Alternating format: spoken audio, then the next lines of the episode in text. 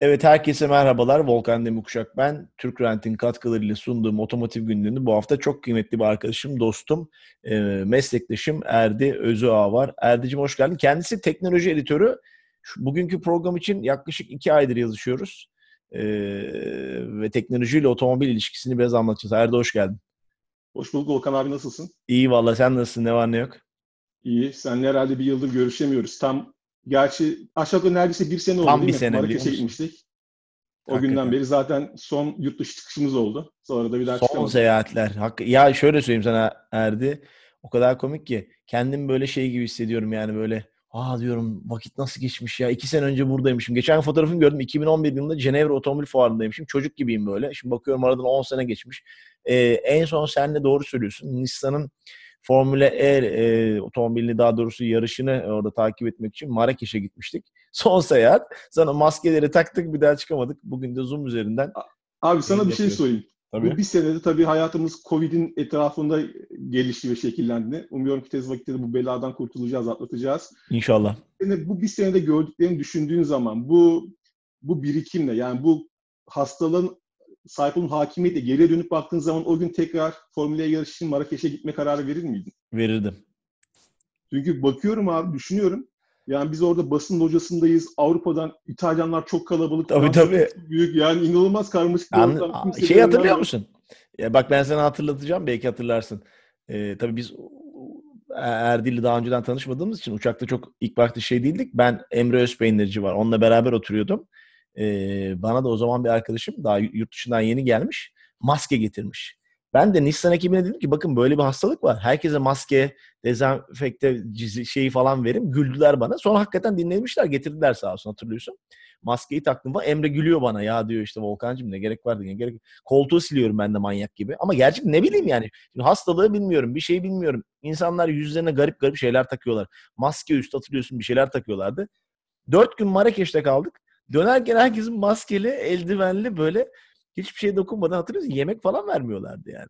Tabii zaten Çok Türkiye olarak geçmiş. biz de resmi olarak Covid dönemine 11-12 Mart gibi girdik. 12 Yani Mart ilk vaka galiba 11 ilk Mart'ta. vaka. Doğru söylüyorsun. Aynen ilk vaka. Dolayısıyla biz Marrakeş'e gittiğimizde henüz Avrupa tam anlamıyla Covid odaklı bir yaşam tarzına geçmemişti. Tabii. E, Ama hani Allah korusun biz gittik geldik. Ekipten kimsede herhangi bir sıkıntı olmadı takip edebildiğim kadarıyla. görüntü kadarıyla öyle. Şimdi aslında Erdi ile konuşacak çok şeyimiz var. Erdi'nin de mükemmel bir YouTube kanalı var. Kendisi de teknoloji dünyasında herkesin bildiği, takip ettiği benden çok daha fazla biliyorsunuzdur. Ben o şeylerde çok fazla yokum. Şimdi biraz şey konuşalım istedim. Erdi'nin geçenlerde çok çok da fazla izlenen bir YouTube videosu vardı.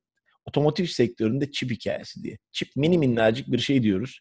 Belki kaç dolar olduğunu sen söylersin ama yani otomotiv sektöründe milyarlık bir sanayiyi e, bir anda hop diye durdurabilecek kadar da önemli. Nedir bu çip hikayesi?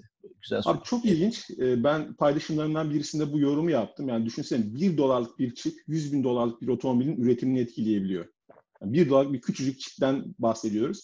Şöyle kısaca üzerinden geçmek gerekirse şu şekilde anlatabilirim. Aslında yine bu yaşadığımız olayların da merkezinde pandemi yani COVID-19 e, salgını var. Çünkü salgın ilk başladığında ve durumun ciddiyeti anlaşıldığında pek çok ülke arka arkaya uzaktan eğitim ve evden çalışmaya doğru kaymaya başladı. Çünkü insandan insana çok hızlı bulaşabilen bir e, enfeksiyondan bahsediyoruz, virüsten bahsediyoruz. Dolayısıyla birden dünyanın en büyük şirketleri, her ülke bu yaşam tarzına geçmeye başlayınca şöyle ihtiyaçlar ortaya çıktı. Evden çalışacaksın ama evde bir bilgisayara ihtiyacın var. Uzaktan eğitim yapacaksın ama uzaktan eğitim yapabilecek bir bilgisayar ya da tablete ihtiyacın var. Fakat dünya böylesi bir şey hazır olmadığı için bu ihtiyaçlar kimsede hazır değildi. Dolayısıyla teknolojik ürünlere çok ciddi bir talep patlaması yaşandı. Şimdi teknolojik ürünler üretilirken belli forecastler, belli gelecek tahminleri yapılarak üretilir ve ona uygun planlamalar çerçevesinde ürünler hazırlanır, ülkelere alokasyonlar yapılır ve denir ki mesela yeni bir tabletimiz var, Türkiye'ye 100 bin tane yollayalım, Almanya 50 bin alsın, Fransa 200 bin alsın gibi. Ama tüm dünyadan birden aynı anda böyle bir talep gelince çift fabrikalarına muazzam bir talep oluştu. Niye? Çünkü bugün artık kullandığımız neredeyse her şeyin içinde bir çip ya da mikrokontrolcü var. Ama salgından bahsediyoruz. Herkes etkileyen bir durumdan bahsediyoruz. Öncesinde şöyle bir sorun ortaya çıktı. Evet talep çok fazla fakat çip dünyası da bundan etkilendi. Herkes kapanırken onlar da kapanmak zorunda kaldı. Dolayısıyla krizin ilk zamanlarında tüm dünyanın durması gibi teknoloji üreten fabrikalar da durdu. Aynı zamanda otomobil fabrikaları da durdu. Hatta yani otomobil üretiminde de robotikleşme, otomasyon çok sık konuşulsa bile otomobil üretimindeki insan gücü kullanımı çip üretimine göre daha fazladır hala. Çipte çok az mühendis vardır ve her şey robotik sistemlerle yapılır. Şimdi ne oldu? Otomobil dünyasında fabrikalar kapanmaya başlayınca otomobilciler sen benden daha iyi biliyorsun abi. Teknolojiyle kıyaslandığı zaman stoklu üretmeyi sevmezler. Üretilen malın hemen gitmesi hemen satılmasını arzu ederler. Çünkü yani bir telefondan bir milyon taneyi belki depoya stok, stoklayabilirsiniz ama araba dediğimiz büyük büyük bir kütleyi bunun binlercesini aynı anda bir yerde tutmak da tek başına bir özel maliyet kalemi oluşturuyor. Dolayısıyla bu kriz ortaya çıkınca tüm dünya bir bilinmeze doğru sürüklenince otomobil üreticileri yavaş zaten fabrikalar kapandı. Fabrikaların kapanmasına bağlı olarak da herkes siparişleri durdurdu. Şimdi telefon ve tablet üretimiyle otomobil üretimi arasında bir önemli fark var. Şimdi telefon üretimi yapılırken ya da bir bilgisayar üretimi yapılırken üreten marka örneğin HP diyelim, Dell diyelim, büyük bir markadan bahsedelim. Kullan, kullan, kullanması gereken çipi zaten kendisi gidiyor e, çip üret çip firmasından tedarik ediyor. Ama otomobilciler böyle yapmıyorlar. Otomobilde bir de ara tedarikçiler var. Yani Renault ya da Mercedes gelip Tayvan'daki çip fabrikasından bana 1 milyon tane çip verdiği özel anlaşma yapmıyor. Ne yapıyor? İşte Almanlar daha çok Continental ya da Bosch gibi firmalarla çünkü araçların elektronik sistemleri, alt sistemleri genelde özellikle Avrupalı üreticiler için bu iki büyük firma üretiyor. Onların forecastlerine göre Mercedes'e alım satım işlerine karar veriyor. Ancak teknoloji ürünlerinde olan talep çok artınca ve tüketici elektronik ürünlerindeki talepten dolayı çift fabrikaları tam kapasiteye çalışmaya başlayınca ve o esnada da zaten otomobil tarafındaki talep kesilince ne oldu? Fabrikalar tam kapasite çalışmaya devam etti ve tüm kapasite artık telefon, tablet ve bilgisayar üretimine kaydı. Ancak be, otomobil dünyası, otomobil üretimi beklenenden daha önce hızlanmaya başlayınca, sanıyorum yanılmıyorsam 2020'nin son çeyreği gibi üretim tekrar açılmaya başladı. Tabii Haziran'dan sonra başladı. fabrikalar eski temposuna yavaş yavaş dönmeye başladı. Yavaş, aynen dönmeye başladı ancak o zaman şöyle bir sorun ortaya çıktı. Şimdi otomobil üretebilmen için çiplere ihtiyacım var. Tabii segmentasyona göre, aracın sınıfını, tipine, modelini, konfigürasyonuna göre barındırdığı çip sayısı değişkenlik gösterebilir ama bugün üst seviye bir araçta bin, binin üzerinde çip. Çip dediğimiz zaman da sadece bilgisayardaki işlemci gibi düşünmeyelim. Çok basit bir mikrokontrolcüden bazı özel sensörlere, infotainment dediğimiz bilgi eğlence sisteminin arkasındaki platformdan eğer aracın otonomi yetenekleri varsa onları kontrol eden e, yol bilgisayarlarına kadar, araç bilgisayarlarına kadar daha basitten daha gelişmişe çok fazla teknoloji kullanılıyor. Ama ortaya şöyle bir sorun çıktı.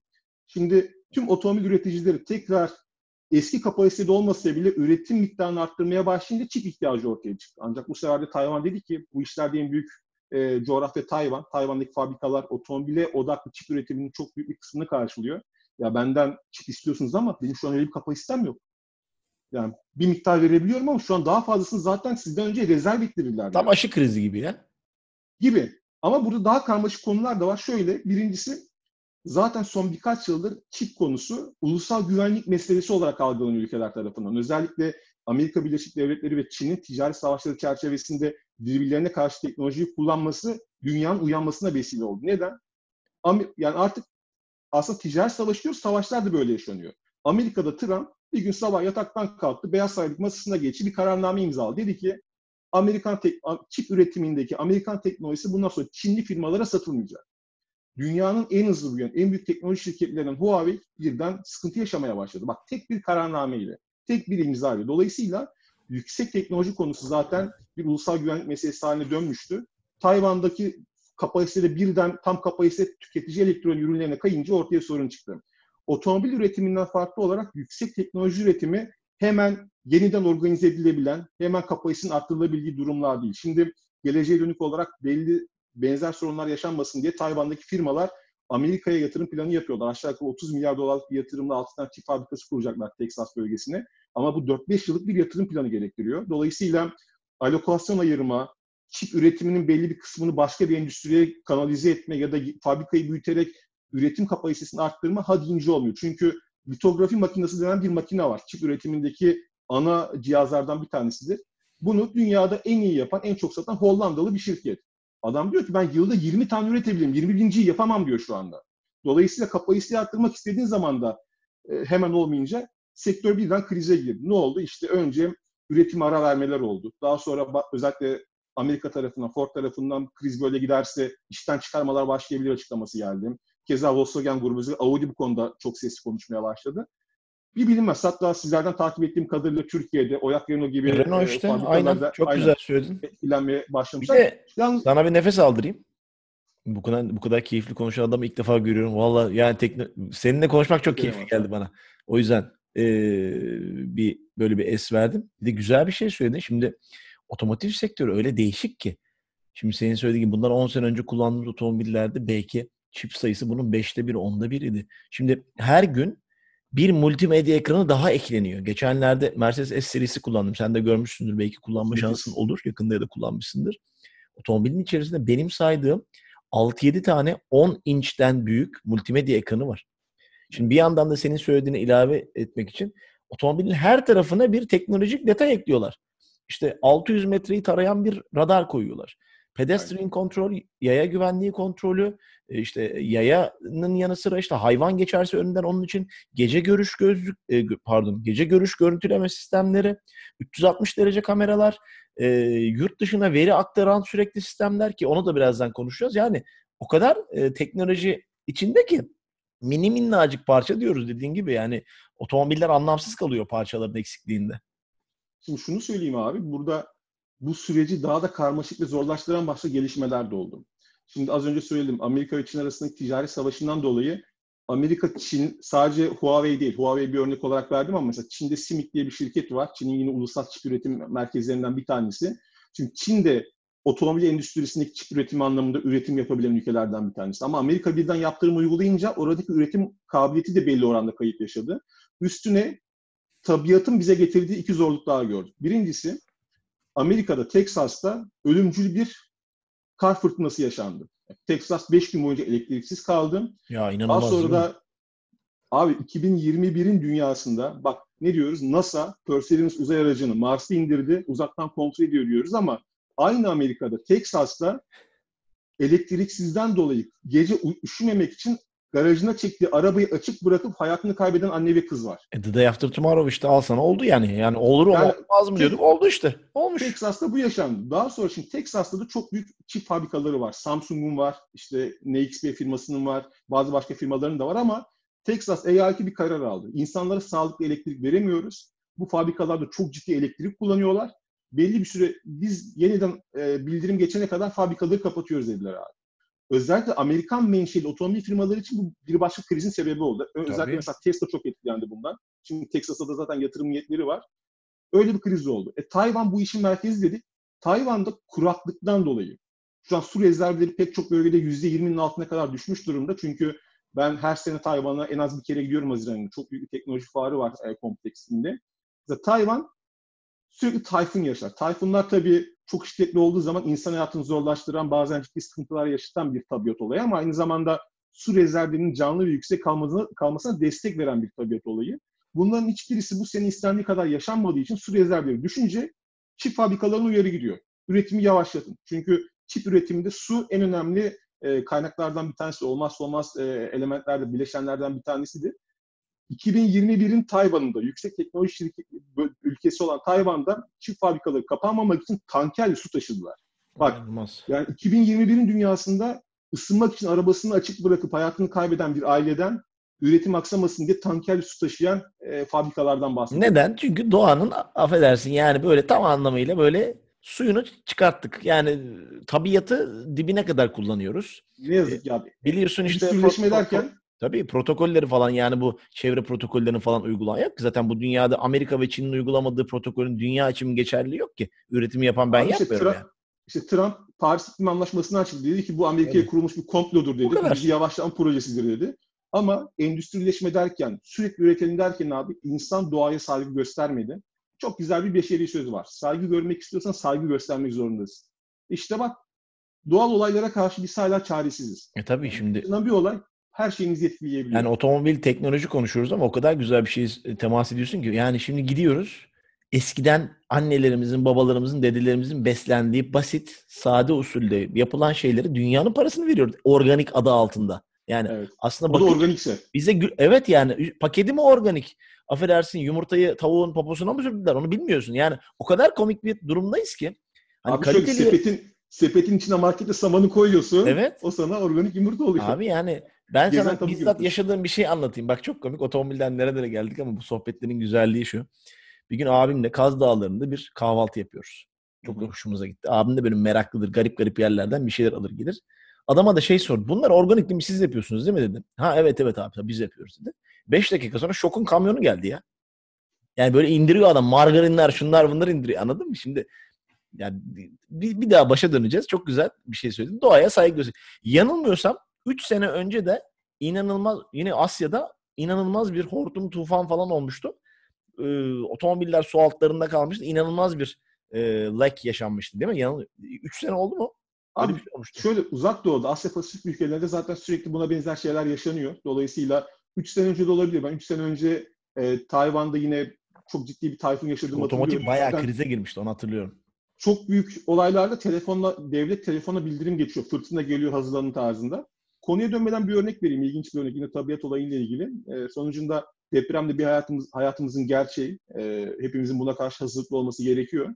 Ama tabii özellikle uzak doğu ülkeleri bu konuda da çok proaktif davranan ülkeler. Mesela Tayvan'daydık e, bir keresinde. Otel odamdayım abi. Gece 11.30. İşte bütün gün fuarda çektiğim videoları hazırlamakla meşgulüm. E, üzerimde atlet, altımda pijama. İşte çayımı içe, videolarımı yapmaya çalışıyorum. Abi yanlış hatırlamıyorsam merkeze çok yakın 7.1 ya da 7.2 şiddetinde deprem oldu. Üf. Bina, otel beşik gibi sallanıyor. Oradan oraya böyle sandalye devrilecek neredeyse. Yani işte bizim belki o anki tabii paniğin verdiği endişeyle hemen odamdan çıkıp bir şekilde kendimi binadan ama 16. kattayım yani. yani ne yapabilirsin yani değil mi? İşte yani bilinç öyle çalışmıyor yani. Sistem biraz Türk'üz ama. Abi kapıyı bir açtım. Kimse yok ya. Odasında kimse çıkmıyor.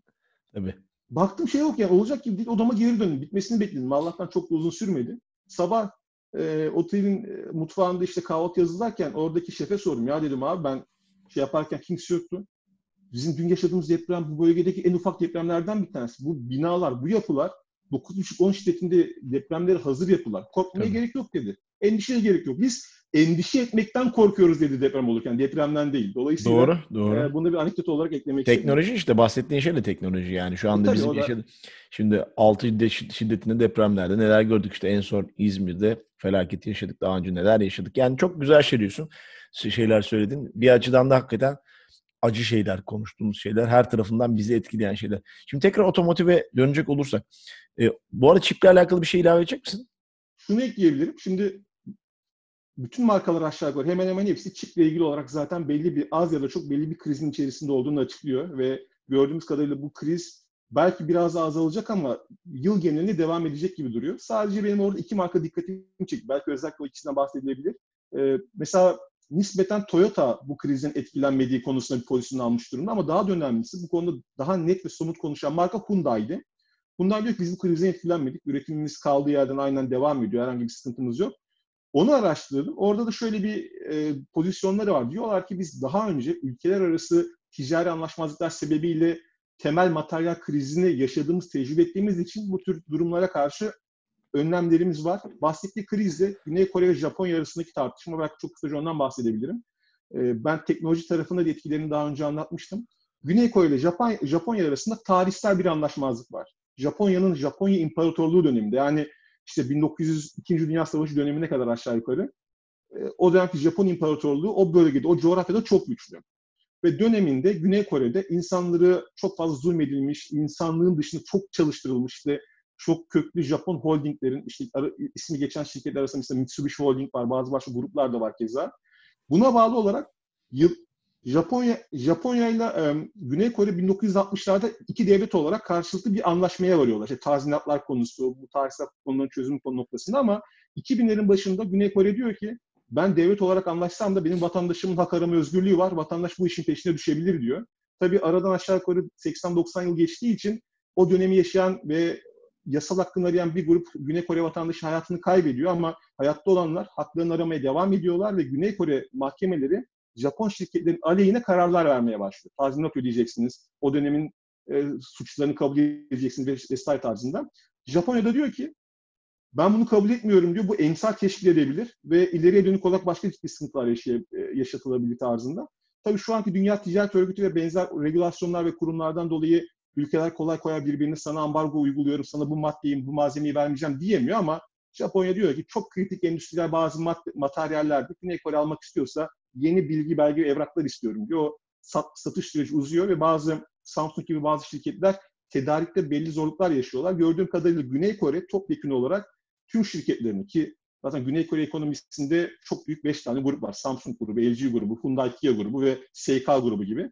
Bunlar şimdiden bu tür krizlere karşı anladığım kadarıyla ülke politikası olarak önlemleri var. Muhtemelen bundan dolayı Hyundai belki diğerlerine göre biraz daha hazırlıklı yakalanmış olabilir bu krize.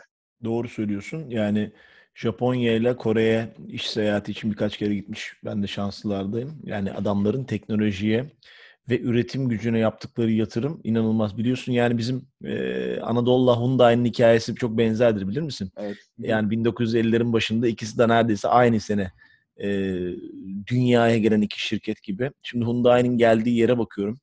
Kore'ye gittiğimde yer gök Hyundai'di. Traktörler, inşaatlar, binalar, asansörler biliyorsun. Aklına gelen otomobilleri zaten otobüsleri saymıyorum. Hidrojenli şeyleri saymıyorum. E, Japonya keza öyle ama ikisinde de birbirinin ürünlerini görmek çok zor. Yani Japonya'da açıkçası Kore otomobili gör, hiç görmedim.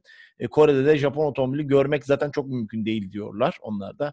Böyle bir psikolojik aralarında. Kore'de daha çok Kore ve e, özellikle Alman otomobilleri çok aynen, popüler. Aynen, aynen. Ben şeye şaşırdım. Sen belki bu konuda daha fazla bilgi verebilirsin abi. Şimdi Genesis diye bir markası var Hyundai'nin. Süper premium evet. lükse konumlandırdı. İşte diyor evet. ben Mercedes'e rakip olacağım, BMW'ye rakip olacağım. Yani ben benim ülkem Genesis gibi otomobil yapsa ben ona binerim ama özellikle Mercedes S-Class, S serisi abi o ultra premium kalbur üstü e, nüfusta popüler. Belki de o batılı hayranlığı mı demek gerekiyor buna? Yoksa yani aslında ben Kore'ye sen de gittin. Ben Kore'de şunu gördüm. Bir Amerika gördüm. Kişisel gözlemi. Yani Seul'de bayağı bildiğim bir Amerika. Herhangi bir Amerika'daki üst düzey bir şehre gitsen göreceğin her şey var. Bu arada çok enteresan bir şey bak. O zaman köşe yazımda yazmıştım hiç unutmuyorum. Biz diyoruz ya boğazcımız, boğazımız inci gibi İstanbul boğazı mükemmel. iki tane köprümüz var. O zaman iki taneydi. Sonra üç oldu falan filan.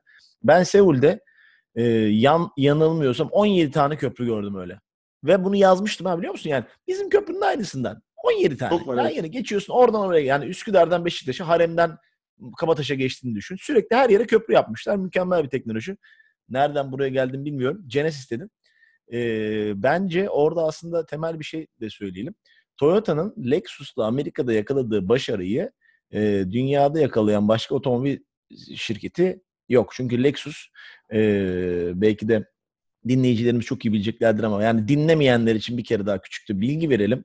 Toyota'nın aslında üst premium markası Lexus e, Amerika'da özellikle dayanıklılığın çok önemli olduğu bir ülke. Çünkü orada bizler gibi böyle sanayi sitesinde gideyim Ahmet Usta'ya araba yaptırayım öyle olsun böyle olsun yok. Yani bin dolar arabayı alıyorsun 3000 dolara adam 1500 dolara sana servis hizmeti vermeye çalışıyor. Evet, evet, o yüzden adamların tek gayesi arabam bozulmasın ölene kadar da gideyim öldüğü zaman satarım yenisini alırım mantığı var Amerika'da. O yüzden Lexus ve Toyota onlar da çok dayanıklı. Ne hangi sokağa gidersen. Güzel Mazda mesela öyle. Tabii Mazda da öyledir. Ama Mazda Amerika'da etkinliği nispeten o kadar değil. Lexus yani inanılmaz. Türkiye'de de bence bu arada Lexus eskiye göre çok iyi ama tabii rakamlar milyon TL'ler olduğu için 150-200 bandında ki Türkiye'ye Lexus geldiği zaman hedefi 50 ile yüzdü. Onu geçtim. Şimdi Genesis tarafına geleceğin zaman da Genesis'te Hyundai'nin Avrupa'ya aslında açılma operasyonunun bir e, zirvesiydi. Türkiye'ye de birkaç tane modelini de getirdiler. Hatta çok enteresan bir şey söyleyeceğim sana. Korelilerin enteresan bir adeti vardır. Kore şirketlerinin çalışanlar da bilirler. Bu Koreliler enteresan insanlar. Çalışılması çok zor bence. E, kafaları da çok farklı çalışıyor. Ve ofislerinde ve özel yerlerinde terlikle geziyorlar. Ben bir tane genel müdürün odasına gittim. Adam terlikle beni karşıladı. Allah Allah dedim falan filan. Bu Genesis'in bagajını bir açıyorsun sana terlik veriyorlar. Otomobilin standart donanımında. Çünkü orada konfor ve lüksü şey yapıyor. Tekrar sözüne gelecek olursam e, başarısız bir hamleydi Genesis. Şimdi bir kere daha deniyorlar yeni modeller çıkartarak. Çünkü GV8, daha, GV8. evet yeniden dönmeye çalışıyor ama e, ya bu işin bir sırrı var. İyi model çıkarttığın zaman belki başarısız da olabiliyorsun zamanında ama mutlaka iyi model tuttuktan sonra tekrar başarıyı elde edebilirsin. Ama yani henüz yeni Genesis'leri kullanmadım. Daha öncekilerde de açıkçası Almanlar varken hiç kimsenin o Genesis'i tercih etmeyeceğine emindim. Sadece Kore Kore Başkonsolosu ve işte Kore şirketleri kullanıyordu. O konuda e, Almanlara bir müthiş bir orada şey var. Özellikle biliyorsun Çin tarafında da. Çin'de de yani e, S-Class'ın büyüğünü falan seçiyorlar. Yani Çin'e özel Audi'ler üretiliyor. Normalden 30 santim 20 santim. Aynen. Müthiş Aks bir mesafesi daha uzun araçlar var orada. Yani özel yani daha konforlu, var. daha büyük, daha geniş böyle işte ben yine e, keza başka bir şeye değinmiştim. Şangay'daki işte Ferrari Store'a baktım bir kere. Üç katlı garip bir yer yapmışlar yanılmıyorsam. Ben de yani gittiğimden değil de fotoğraflarından gördüm.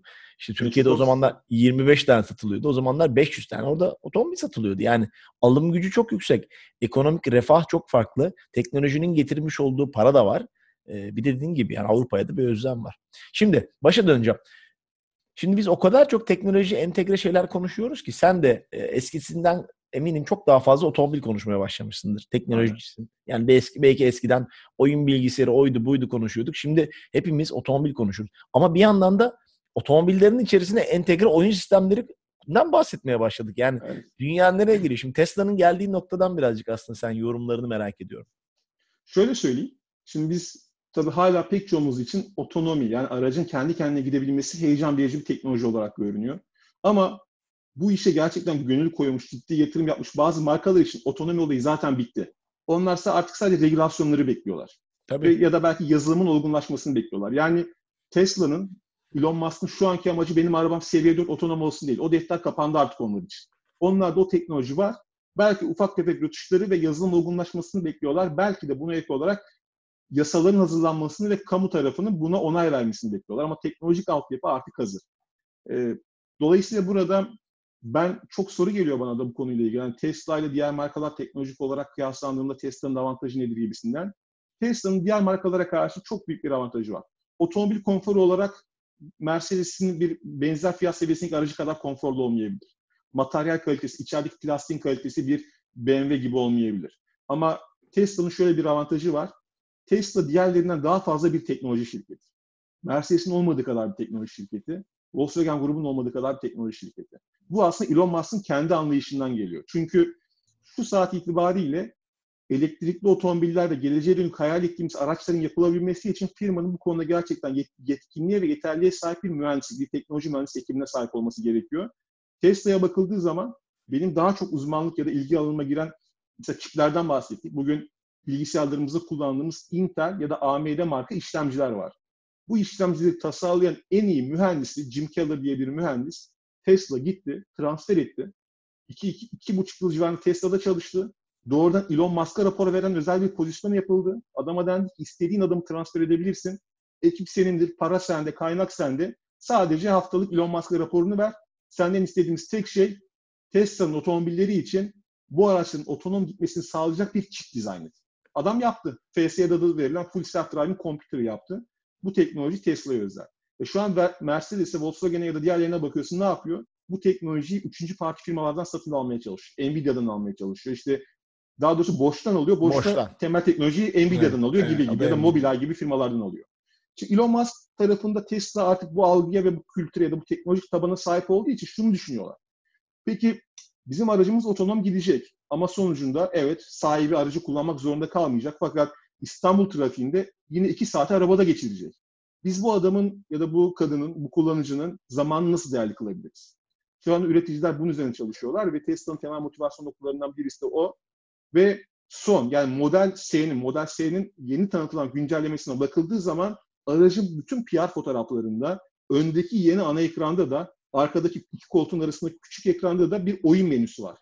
Bu özellikle bilgisayar oyunu oynayan, Steam'i bilenler bilir. Ona benzer bir menü var işte The Witcher diye popüler bir oyun var ve yine nispeten biraz daha az bilinen bazı oyunlar var. Ve arka tarafında da PlayStation 5'te, Sony PlayStation 5'tekine çok benzer bir grafik işlem gücüne sahip olan yeni bir bilgisayar var. Bu bilgisayarı geliştiren firma da PlayStation 5'in çipini geliştiren AMD firması. Zaten Tesla ile yakın çalışıyorlar aslında. Mühendislik anlamında da bir temasları olduğunu biliyoruz. Bu şu anlama geliyor. Tesla muhtemelen önümüzdeki dönemde araçlarında bir oyun abonelik servisine başlayacak. Bunun iki kazancı var. Bir, diyor ki kullanıcı isterse ben ona oyun oynatabileceğim.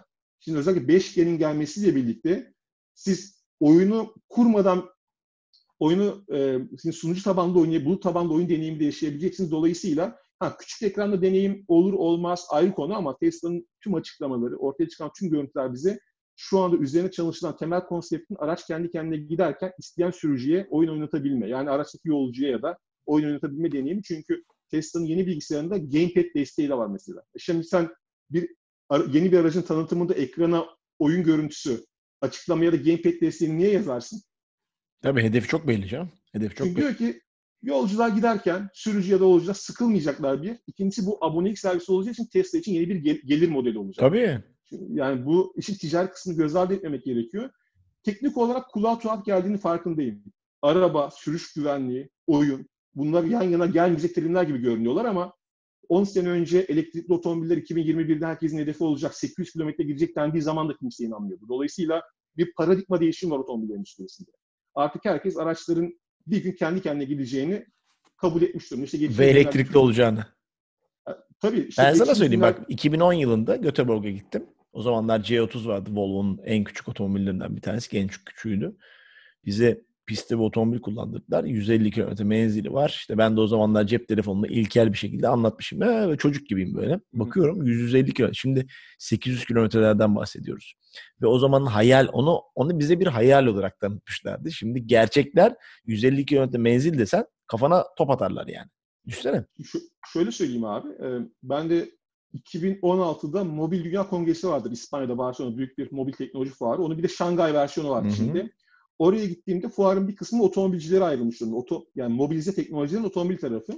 Orada ben Honda'nın bir demosuna katıldım. Ee, çok az sayıda gazeteciyle beraber.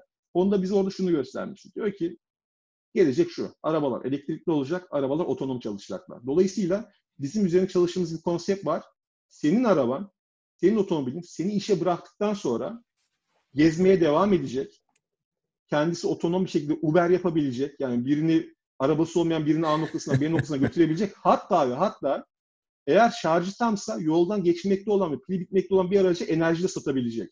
Şimdi firm dediğim gibi biz 2021'de bunları konuşuyoruz ama firmalar için bunların temel taslak çalışmaları çok öncesinde tamamlanmış oldu. Tabii canım firmalar bizim gibi bir seneyi konuşmuyor ki 5 sene sonra. Bak şimdi Volvo'nun dünkü açıklamalarını görmüşsündür. Adam diyor ki 2025 yılında satacağımız her 10, 10 otomobilin 5 tanesi elektrikli. 2030'da hepsi elektrikli diyor. Bitti. Porsche. Dün konuştuk. Taycan'ın yeni bir tane modeli çıktı. Cross, Cross Turismo diye. E, Taycan'ın işte daha Shooting Brake ben de beğendim. O da aynı şeyi söylüyor işte. Selim Bey ile konuştum. Selim Eskinezi Porsche Türkiye Pazarlama Müdürü. Bu sene Türkiye'de satacağımız Porsche adedinin %50'si elektrikli diyor. Yani o kadar doğru bir noktadasın ki. Böyle içim cıza diyor bazen. Değişik geliyor bana ama hemen adapte oluyoruz işte. Bitti. Şu anda ben de süper bir elektrikli fanıyım. Yani ben de öyleyim. Keşke yani gelse gelse de alabilecek bir ya, de paramız olsa da alsak diyorum. Ya tabii tabii yani öyle bir durum var. Mesela Volvo demişken güzel bir örnek vereyim. Ee, şimdi tabii Tesla'dan bahsediyoruz ama Tesla'nın bunları yapabilmesindeki temel e, gelişim noktalarından birisi şu. Tesla yıllardır otomobillerine OTA dediğimiz over the air yöntemiyle yazılım güncellemesi verebilen yeni özellikler kazandırabilen bir marka. Nasıl ki senin telefonuna Apple kullanıyorsan iOS 14 güncellemesi ya da Android kullanıyorsan güncelleme geldiği gibi Tesla bunu yıllardır yapıyor. Araca bir güncelleme veriyor. Diyor ki summon fonksiyonu geldi diyor. Kendi kendine park edecek diyor ya da çağırdığın yere gelebilecek diyor. Volvo ile ilgili geçen gün paylaşım yaptım. Amerika'da medya, Amerikan medyası yazmıştı bunu. Onların yeni elektrikli aracı XC C40. C40, C40, C40 aynen. Ee, şimdi limanlarda bekliyormuş. Sebep de şu. yani şu aracın Şimdi zaten araç da Amerika'ya varmadan önce büyük bir yazılım güncellemesiyle aracın tüm yazılımını baştan dizayn etmişler Tabii. ama telefonla aracın kapılarını kontrol edebiliyorsun. Aracı on-off yapabiliyorsun. Ama bu özellik fabrikadan kapalı çıkmış. Şimdi bunun açılabilmesi için yeni bir yazılım güncellemesi bekleniyor. Bundan önce Volkswagen tarafında ID3 modeli ID3 yazılım sorunuyla başladı. Şimdi şeyi anlayabiliyorum. Tesla startup gibi bir şirket. Volkswagen dediğim 100 yıllık köklü bir şirket. Yüz binlerce çalışanı var ve böylesine büyük ekosistemlerin dönüşümü hadi çok zor. Olmuyor. Bence iyi yavaş yavaş dönüyor gibilerdi ama bence İbre'yi çok yani şöyle gibi oldu. Ya eyvah yandık bittik koşalım. Bir anda çıkartmadıkları kadar elektrik yani ben şuna bakıyorum. Bak ben sana şöyle bir basit bir örnek vereyim. 2006 yılından beri muhtemelen Cenevre Otomobil Fuarı'na 15 senedir gitmişimdir. Hani 15'in 2-3 tanesini kaçırsam her sene biz şöyle söylüyoruz. İşte onların da böyle bir şeyi vardır. Alt metin işte yok çevreye duyarlılık, yok yeşile saygı falan. Her sene bir şey uyduruyorlar. Son 4 sene elektrikli hibrit, elektrikli hibrit, elektrikli hibrit diyorlardı. Hepsinin modeli vardı. Ama bak hiçbir şekilde bu kadar hızlı bir dönüşüm görmedim. Volkswagen'in yandım Allah der gibi bütün otomobillerini piyasaya sürüyor. Yani bütün kozlarını ortaya koyuyor gibiler ama bir yandan da saygı gösteriyorum. Dediğin gibi devlet gibi şirket bunlar. devlet gibi şirketler. Yani dediğin gibi diğeri startup kalıyor. Onun dönüşüp bir yandan da bakıyorum Fransa'ya bakıyorum Zoe. En çok satılan elektrikli orada. ID3, ID4 inanılmaz rakamlar. Şimdi sana başka bir şey soracağım. Elon Musk, Elon Musk ya da neyse artık adamın adı. Hep böyle şöyle söylüyorum. Değişik bir adam. Farklı şeyler düşünüyor. Bizim hiç böyle hayal etmediğimiz şeyleri hayal ediyor ve bizi bu hayalleriyle sürüklüyor. Müthiş bir marketingçi, müthiş bir e, deha. E, ve otomotivi de peşinde sürükledi. Şeyi düşünüyorum. Acaba otomotiv iştahı ne kadar devam eder? Yani mesela hevesi şu mu? Ben Volkswagen gibi mes tamam pazarlama şeyine baktığın zaman e, hisse senetlerinde hepsini satın alacak gibi bir şey var. Geçenlerde çıktı dünyanın en zengin adamı olarak gözüküyor. Hakikaten müthiş. Hatta açıklama yaptılar biliyorsunuz e, Bill Gates'le işte kripto paralarla ilgili. Elon Musk kadar Elon Musk kadar paranız yoksa girmeyin dediler yani. O kadar doğru ki. Yani istediği şeyi istediği yönlendirebiliyor. Bir gün Bitcoin diyor, bir gün başka bir şey diyor. Bir gün diyecek ki Volkan çok iyi diyecek, Volkan değerlenecek. Dolayısıyla otomotivdeki sence ilgisi ne kadar? Yani heves gibi mi? Yoksa ha hepinizi tokatlayacağım, defolun gidin ben bundan sonra otomobili Tesla mı olacak diyor. Yoksa oradan kazanacağı parayı başka bir şey mi yönlendirecek? Ne diyorsun merak ettim. Şöyle e, yani hikayesine... Uzun sordum ha. Hikaye, Allah uzun oldu. Hikayesine geri bakıldığı zaman abi Elon, Elon Musk'ın amacı Tesla'yla tabii ki Tesla sonuçta bir ticari şirket. Dolayısıyla her zaman şu an içinde bulunduğumuz bu kapitalist düzende herkesin amacı daha fazla para kazanmak. Onlara hiç girmiyorum bile. Ama Elon Musk Tesla'yı anlatırken ya da Tesla'yı pozisyonlarken şöyle pozisyonluyor. Diyor ki Tesla aslında bir enerji şirketi. Biz temiz enerjiyi, daha çevre dostu teknolojiyi satmak ve yaygınlaştırmak istiyoruz diyor. Yani hani Elon Musk'ı referans alacak olursak elektrikli bir otomobil yapmaktan daha büyük hedef, daha büyük motivasyon ya da büyük resim temiz enerjiyi yaygınlaştırmak. Ama şöyle bir durum var. Tabii diğer taraftan Tesla'ya bakıldığı zaman da şu an her geçen gün satışları artan bir şirketten bahsediyoruz. Hatta Model 3'te üretim tarafında kriz yaşamasalardı bugün çok daha farklı bir Tesla'dan da bahsedebiliyor, bahsediyorduk muhtemelen. Almanya yeni fabrika fabrik, kuruyorlar. İşte Çin'deki fabrika açıldı. Almanya yeni fabrika kuruyor. Amerika'daki yatırımları devam ediyor. E şimdi pil tarafında farklı yatırımları var. İşte e, solar şirketi var keza yani temiz enerji için ayrıca adam sana şunu da satıyor Amerika'da. İstersen evine diyor bir batarya kurabilirim diyor. Enerji depolama sistemi kurabilirim. İstersen kullanabilirsin diyor bunu. Dolayısıyla şu var. E, Tesla büyümeye devam edecek. Sonuçta bir otomobil şirketi. Ama Elon Musk'ın oradaki hedefi bir enerji şirketi olarak belki ileriye dönük olarak batarya teknolojisini satmak. Doğru. Aynı zamanda bir enerji şirketine dönüşümü gerçekleştirmek. Hatta geçtiğimiz günlerde Tesla'nın bir e, finansal toplantısında yani çeyrek sonuçlarına açıklanan toplantıda Elon Musk'ın şöyle bir açıklaması var gelen soru üzerine. Diyor ki ben diyor yani ben derken Tesla şunu düşünüyoruz diyor. Yap, yapmayacağımızı bilmiyoruz ama autopilot yani sahip olduğumuz otomatik pilot, otonom sürüş teknolojisini diğer markalara lisanslayabiliriz diyor. Şimdi şu an Tesla'nın sahip olduğu teknoloji bu alandaki en olgun ürünlerden bir tanesi. Yani düşünsene bunu Honda, Nissan, Toyota, Volkswagen, Mercedes, BMW bunlara satabiliriz diyor. Dolayısıyla bir Tesla bir otomobil şirketi ama Elon Musk sadece otomobil olarak düşünmüyor. Bir enerji şirketi olarak geliştirdiği sistemleri başka türlü insan hayatına entegre etmek. Belki ileri dönük olarak yazılımı da markalara e, IP yani fikri mülkiyet hakkı olarak satmayı düşünüyor. Bu açıdan bakıldığı zaman da anlamlı ve değerli çünkü şu anda Tesla'nın sahip olduğu otonom sürüş olgunluğu çünkü şu an milyonlar, milyonlarca aracı yolda ve bunlar sürekli Tabii. olarak veri merkezine data yolluyorlar. Yani bu kadar çok böylesine bir teknoloji, bu kadar çok sayıda araçla, bu kadar çok veriyle şu an işleyebilen, anlamlandırabilen başka bir firma bildiğim kadarıyla yok. Herkes bir şeyler deniyor Doğru. ama o noktada değiller. Dolayısıyla Tesla otomobil satmaya, büyümeye devam eder ama bence daha hızlı büyümesini teknoloji ve enerji tarafında da e, önümüze getirebilir. E, bu açıdan bence e, Tesla çoğumuzun aklı otomobil olarak geliyor ama otomobilden daha fazlası gibi düşünüyorum. Ben yani ben de öyle düşünüyorum. Çünkü günümüzde aslında teknoloji şirketlerinin geldiği değerlemelere bakınca e, ve sanayi şirketlerinin durumlarının akıbetini görünce teknolojinin dünyadaki geleceğini görmüyor olmak için herhalde ya kör olmak lazım ya da dünya ile ilgili ilişkini kesiyor olmak lazım. Sana bir soru daha soracağım. Geçenlerde şimdi bir yandan da otomotiv sektörü de Tesla'ya karşı aslında bir bir yandan pozisyon oluyor. Ne oluyor, evet. ne bitiyor. Yani iyi veya kötü bu arada eleştirmek için söylemiyorum. Bir pozisyon alıyorlar yani. Şimdi geçenlerde görmüşsündür Volkswagen CEO'su Herbert Dice hani Deutsch, Almanca konuşmak istedim. Dice diye böyle. Ben Onun bir tane açıklama. Bill Gates de gördün mü? Karşılıklı tweetleştiler. Evet. Onu övdü. Zaten Microsoft'la bir işbirliği açıkladılar. Azure Aynen bir açıklama yaptılar. Microsoft yani uzun vadeli bir işbirliği öngörülüyor. Ne diyorsun? Bu tarafta oyunlar değişiyor mu biraz?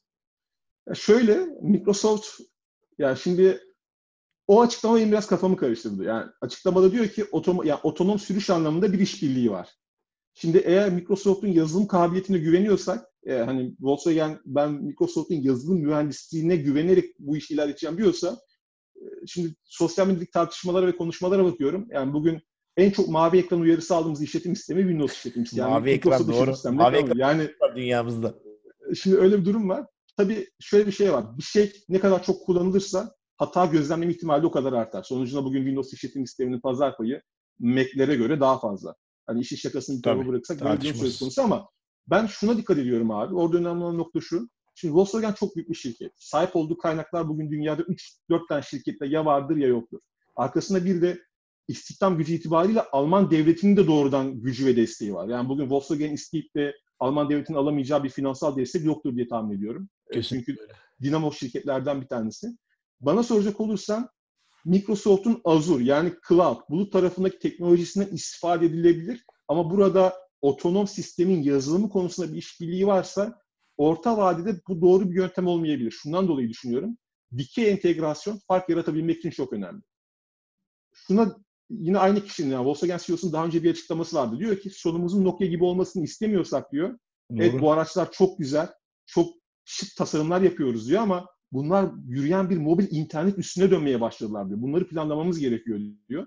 E şimdi sen diğer firmalara da yazılım satan Microsoft'la işbirliği yaparsan, diğer firmalara da bilgisayar satan Bosch'la işbirliği yaparsan, diğer firmalara da teknoloji satan başka bir firmayla, misal veriyorum Sony ile işbirliği yaparsan özelleşmen ve fark yaratman zorlaşır. Çünkü elektrikli otomobillerde biz neyi biliyoruz? İçten yanmalı eski nesil araçlara göre aracı üretmesi daha kolay. Çünkü daha az parça var elektrikli motoru bir yerden tedarik et, bataryayı bir yerden tedarik et, üstüne şasiye bindirdikten sonra işte bugün pek çok firma bir yılda iki yıl elektrikli otomobil geliştiriyor. Faraday Future diye bir firma var. Çinli bir girişimci 5 milyar doları masaya koydu. Tesla'nın en iyi mühendislerini aldı. BMW'nin tasarımcısını aldı. FF91 diye mükemmel bir otomobil ortaya çıktı. Aynen öyle. Sonra, sonra adam krize girdi. Battı. Araç şu anda bir türlü yollara gelemiyor. Lucid diye bir marka çıktı. Lucid Air. Arkasında Arap sermayesi de var. Abi araca bakıyorsun Mercedes S-Class'a rakip olacaksa bu olur diyorsun. Yatan koltuklar, uzay, şey, uçak gibi iç mekanı var vesaire. Bugün Huawei araba yapacağım diyor. Sony 2020 CES'e gittim Ocak ayında. Sony'nin standındayım. Acaba yeni televizyon, telefon gelir mi diye düşünüyordum. Sony Vision S otomobil gösterdi. Kimse beklemiyordu. Gittim Japon mühendisi yakaladım. Projenin sorumlusu olan mühendisi. Abi dedim amacınız nedir? Bak dedi kardeşim, araba yapacak mısınız dedim. Orada gülüyor. Belki ileri dönük olarak yapabilir bunu bilmiyorum. Ama dedi bu konseptle bizim amacımız şu. Biz Magna ile işbirliği yaptık. Tasarım bize ait, üretim Magna yapıyor dedi. Ama otonom bir araç dizayn ettik. Tesla'nın geldiği yere getiriyor aslında sorun. Diyor ki bu araç kendi kendine gidecek mi kardeşim? Gidecek abi.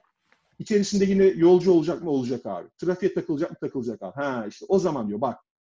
Sony'nin telefonlardan bildiğimiz kamera sensörleri bu araçta olacak. Yani senin aracın otonomi sistemleri Sony'nin kameralarıyla görecek diyor. Sony müzik dünyasının en büyüğü mü? En büyüğü. Ha bak. İçeride Aa, ses donanımı olacak diyor. Sony Music'in diyor contentleri diyor. Örneğin diyor mesela Michael Jackson eserleri Sony ait senin arabanda bedava çalacak diyor. Özel sistemleri yaptık. Sony'nin ekranları var mı? Var kardeşim. Sony Pictures var mı? Var. Ha diyor.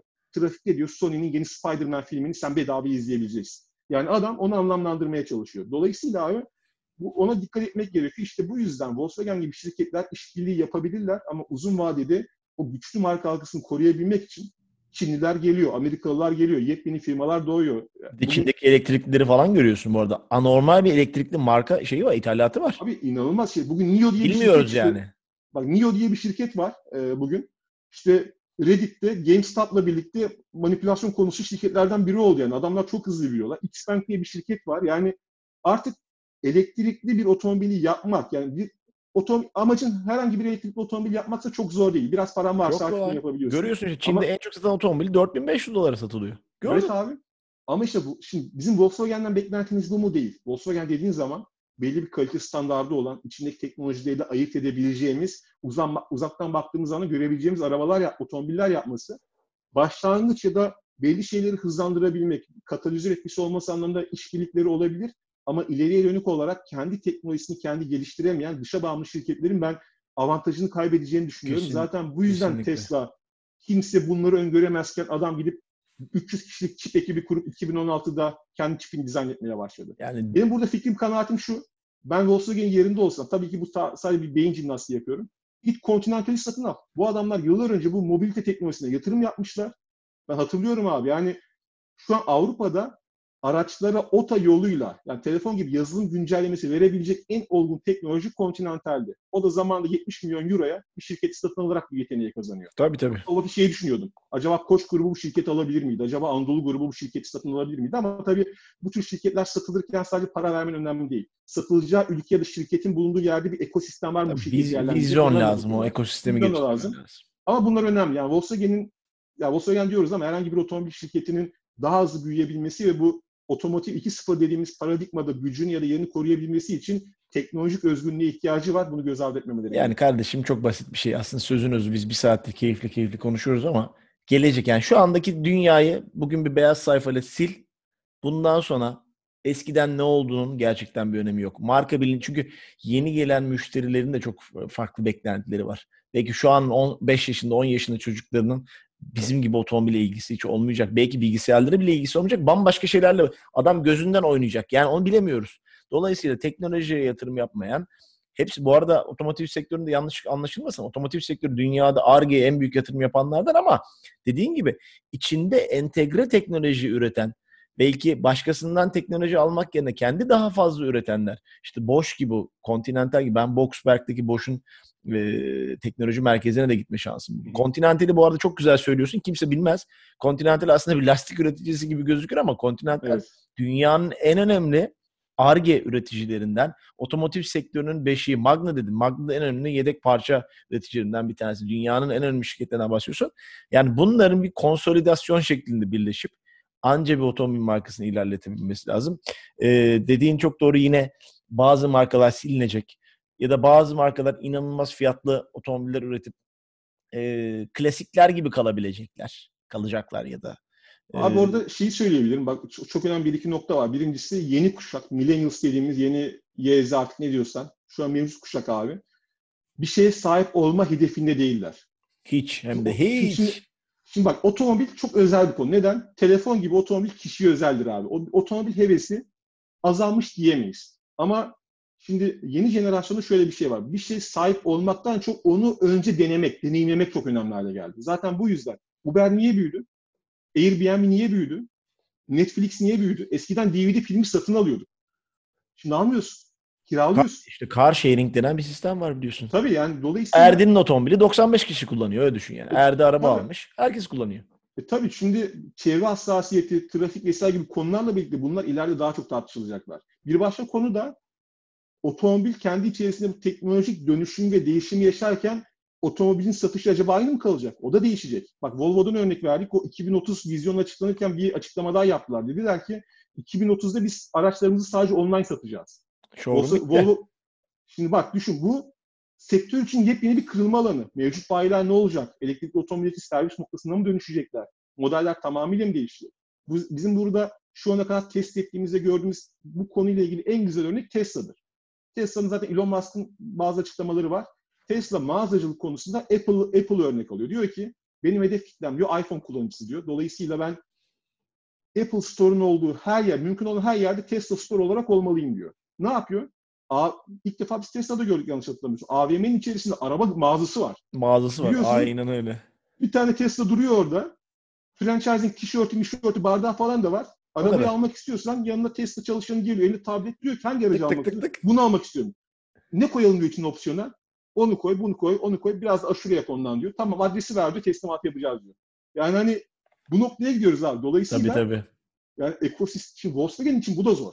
Şimdi Volkswagen sadece üretim anlamında değil. Bayi kanalı, tedarik zinciri, satış sonrası destek, yani en büyüklerin dönüşmesi bu açıdan da daha zor. Ben, ben sana bir örnek vereyim çok enteresan. Yani aslında ne biliyor musun?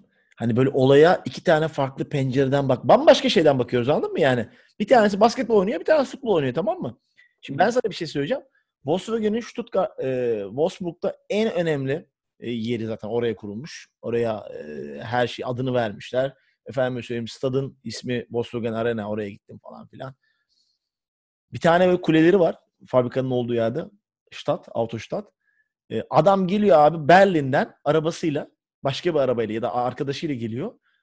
Arabası çıkıyor dördüncü kattan, onuncu kattan aşağı iniyor, seremonik geliyor falan filan. Yani öyle bir kitle hitap ediyor. Adamın Hı. otomobil satın aldığı kişi başka bir köyden yani şöyle Diyarbakır'dan İstanbul'a geldiğini düşün. Arabayı kuleden indiriyorlar, alıyorlar bir seremonik kırmızı alıyla. Bir tarafta da bir adam var. McDonald's'tan sipariş verir gibi tık tık tık tık tık. Yani aslında kitleler de farklı ama dediğin gibi neticede gelen kitle belli. Yani bu, bu kuşak geliyor. Şimdi bizler e, ne kadar otomobil seviyor olursak olalım biz teknolojiye adapte olan bir nesiliz. Yani evde kömür de gördük. Şimdi elektrikli otomobile de biniyoruz. Yaş ortaya çıkıyor. 40'lı, 40'lı yaşlar bu. Abi şöyle düşün. 10 yaşındaki 80'lerde... benim yeğenim var. Araba ehliyeti zor aldırdım ya. Almıyor adam. Abi 80'lerde insanlar telsizlerle konuşup buluşuyorlarmış. Öyle şimdi sana tuhaf geliyor. Hani tele, cep telefonu olmadan, mesaj atmadan Nasıl o diyalog hani e, flört halindeki iki kişinin birbiriyle haberleşebilmesi, buluşması. Çünkü düşünsene telefon yok ya. Yani gidip ankesörlerin evini mi arayacaksın? Yani Neredesin? Şimdi işte teknolojik değişim, kültürel miras sonucunda bilginin transferi var abi. Şimdi benim çocuğumun doğduğundaki yaşadıklarıyla benim yaşadıklarım aynı değil. Benim gördüğüm onu zaten üzerine koyarak geliyor. O da zaten Tabii. üzerine koyarak yaşıyor bunu. Bu değişimlerin hepsi pek çok sektörü etkileyecek. Zaten şu anda Tesla'ya bakıldığı zaman şimdi Apple Car var mesela. Şimdi Apple hiç konuşmadık. Apple'da otomobil yapma gayreti içerisinde projesi gitti Hadi geldi onu, önce. onu da söyleyelim ondan sonra ufak ufak kapatalım. Tamam, Apple, Apple çünkü çok anlatayım. önemli. Yoksa sen de bir, bir, bir program daha yapacağız. Anladım ben bu işi. Ne zaman istersin abi. Ben elimden gelince katılmak isterim. Şöyle Apple'ın proje... Şimdi Steve Jobs'un bir röportajında sözü var. Diyor ki daha fazla enerjim olsaydı otomobil yapmak isterdim diyor. Çünkü otomobil diyor kullanıcı deneyiminin kötü olduğu alanlardan birisi oranın radikal bir kırılmaya ihtiyacı vardı. Ama tabii Steve Jobs'un ömrü buna yetmedi. E, fakat Apple'da proje 2010 13 12 13'ler fikri olarak 14 15'lerde de aktif olarak gelişen proje haline geldi. En başta bayağı bir mühendis transfer ettiler. Mercedes, özellikle Mercedes'in Kuzey Amerika'daki ARGE merkezinden bayağı bir mühendis aldılar. Başka şirketlerden, Tesla'dan vesaire isimler geldi gitti. Daha sonra bir ara proje değişti. Otomobil yapmak yerine biz bir otonom teknoloji yapalım. Bunu oyan marka olarak bütün markaları satalım. Sonra tekrar değişti proje. Şimdilerde işte 2026-27 gibi Apple Car, iCar artık ne dersek kendi otomobillerini piyasaya sürmek istiyorlar. Zaten çok ciddi bir yapay zeka ve yazılım geliştirme çalışmaları var epeydir devam eden. Ortak arıyorlar. Takip etmişsiniz. Hyundai grubu çok sık gündeme geldi. Ee, daha sonra ama sonra karıştı ortalık biraz. Sonra karıştı. Hyundai hisseleri tavan yaptı. Tavan yaptı. Dedikoduların çıktığı dönemde bazı Hyundai yöneticileri hisselerini satmışlar. Hem de ne senet almışlar. Güney Kore'de bir şey bir yasal soruşturma da başladı bununla ilgili. Ama konuşulan Kia'nın Amerika'da ilk fabrikası üzerinden Hyundai'nin yeni elektrikli platformunu kullanan tasarım, altyapı Hyundai'nin belki teknik servis satış sonrası Hyundai'ye ait olan ama üst tasarım, yazılım ve teknolojinin Apple olduğu bir araçtan bahsediliyor. Fakat denilen o ki Apple sadece bir tedarikçiyle çalışmayacak. Bir tarafta Hyundai olacak, bir tarafta General Motors olacak, Avrupa'da belki Volkswagen olacak. Apple şuna istiyor aslında. iPhone'u Apple üretmiyor iPhone'u Apple tasarlıyor. İçindeki temel teknolojileri iPhone geliştiriyor. Ama Foxconn diye bir firma üretiyor. Hatta şimdi Foxconn e, Fiskal'le beraber araba da üretmeye başladı. Aynen abi. aynen. Otomobilciler şunu tartışıyor. Son olarak onu söyleyeyim. Mesela Hyundai'de yönetim kurulu tartışması olmuştu. Diyorlar ki biz yıllardır bu kadar para harcadık. Hyundai markasını insanların aklına sokmaya çalıştık. Bu saatten sonra başka bir markanın fasoncusu olmayalım diyorlar. Yani üreticisi olmayalım. Şimdi o da bir kritik karar. E, Hyundai olmazsa Nissan'ın bunu yapabileceği söyleniyor. Yap yapar mı bilmiyorum ama finansal olarak Nissan biraz zayıflayan noktada o grup biraz finansal kriz içerisinde olduğu için böyle bir gelir modeli bakılabilir. Emin değilim. E, ama Apple otomobilini göreceğiz. Gördüğümüz otomobilde de elektrikli otomobillerin en temel noktası olan teknoloji Apple'a ait olacak. Tasarım Apple'a ait olacak. Ama yürüyen kısmı, alttaki platform yine birisine ürettirecek. olur, belki Hyundai'nin olur aynen.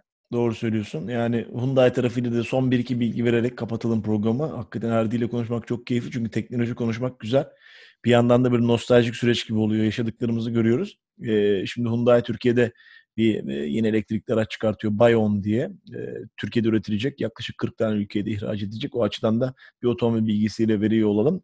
Nissan tarafında biliyorsunuz zaten Allianz Renault ortaklığı var. O tarafta hı hı. aslında belki Nissan tek başına değil de işte en Renault grubuyla ki Renault o tarafta hakikaten kuvvetli. Zamanında Türkiye'de bile elektrikli araç üretmişlerdi. Fluence ZE adında. Her ne kadar sadece o bir deneme olsa da bence önemli. Ama Renault'un da şu anda elektrikli araçlar konusunda ciddi bir vizyonun olduğuna eminim. Bence Apple'da bu pastadan bir pay kapar. Bırakmak istemez. Ben son, son, son, son şunu ekleyeyim abi. Apple karlılığa, karlılığa çok önem veren bir firma. E, o yüzden zaten adamların son geride bıraktığımız son 3 aydaki cirosu 111 milyar dolar. Son 3 aydaki net karı aşağı yukarı 30 milyar dolar. Türkiye'nin bütün bütçesinden bahsediyorsun şu anda.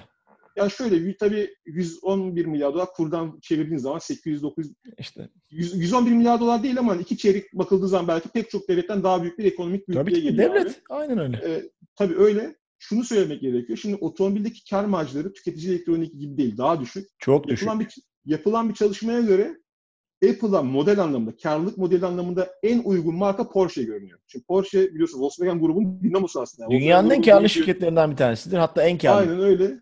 Otomobil anlamında muhtemelen öyledir. Tabii Apple'ın tabii tartışmasız. E, Porsche örneği var ama Porsche üretim adeti anlamında Apple uymuyor. Apple yüksek adet satmak ve yüksek karlılık elde etmek isteyen bir e, mantaliteye sahip. Ha, otomobil için bunda bir değişim yaparlar mı bilmiyorum. Ama burada hani Apple nasıl olur konusuna karlılık anlamı, finansal ya da yönetim kurulu mutlu etme anlamındaki model biraz Porsche modeli olur gibi görünüyor. Model olarak çok haklısın. Yani genelde dünya karlılık listelerine bakıldığı zaman Porsche ile Ferrari'yi koyarlar. Yoksa e, senin söylediğin... Yani General no- Motors değil yani. Tabii tabii. Normal bir otomobil markasının üretim adetlerine, karlılıklarına baktığın zaman ya yazık ya bu kadar üretilmez, bu kadar kar mı edilir dersin.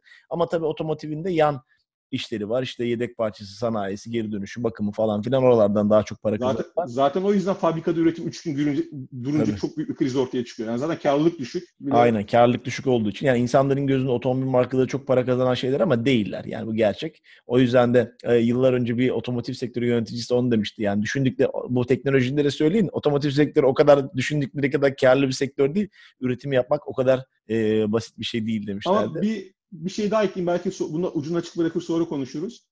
Aslında elektrikli otomobil dönüşüm burada da başka bir riski beraberinde getiriyor. Çünkü bu otomobilin üretimde karlılık yüksek olmasa bile sistemi ayakta tutan unsurlardan birisi teknik servis tarafındaki maliyetler oluyor genelde. Tabii. Oradaki fiyatlama oluyor. E şimdi elektrikli otomobillerin servis süreci ve maliyeti daha düşecek. Çünkü içindeki parça sayısı, e, bakım, bakım, bakım yok. Vesaire. Bakım yok. Yani işte aynen o yüzden oradaki model de değişecek gibi bu paradigma dönüşümü gerçekten aynen öyle. etki yaratacak abi.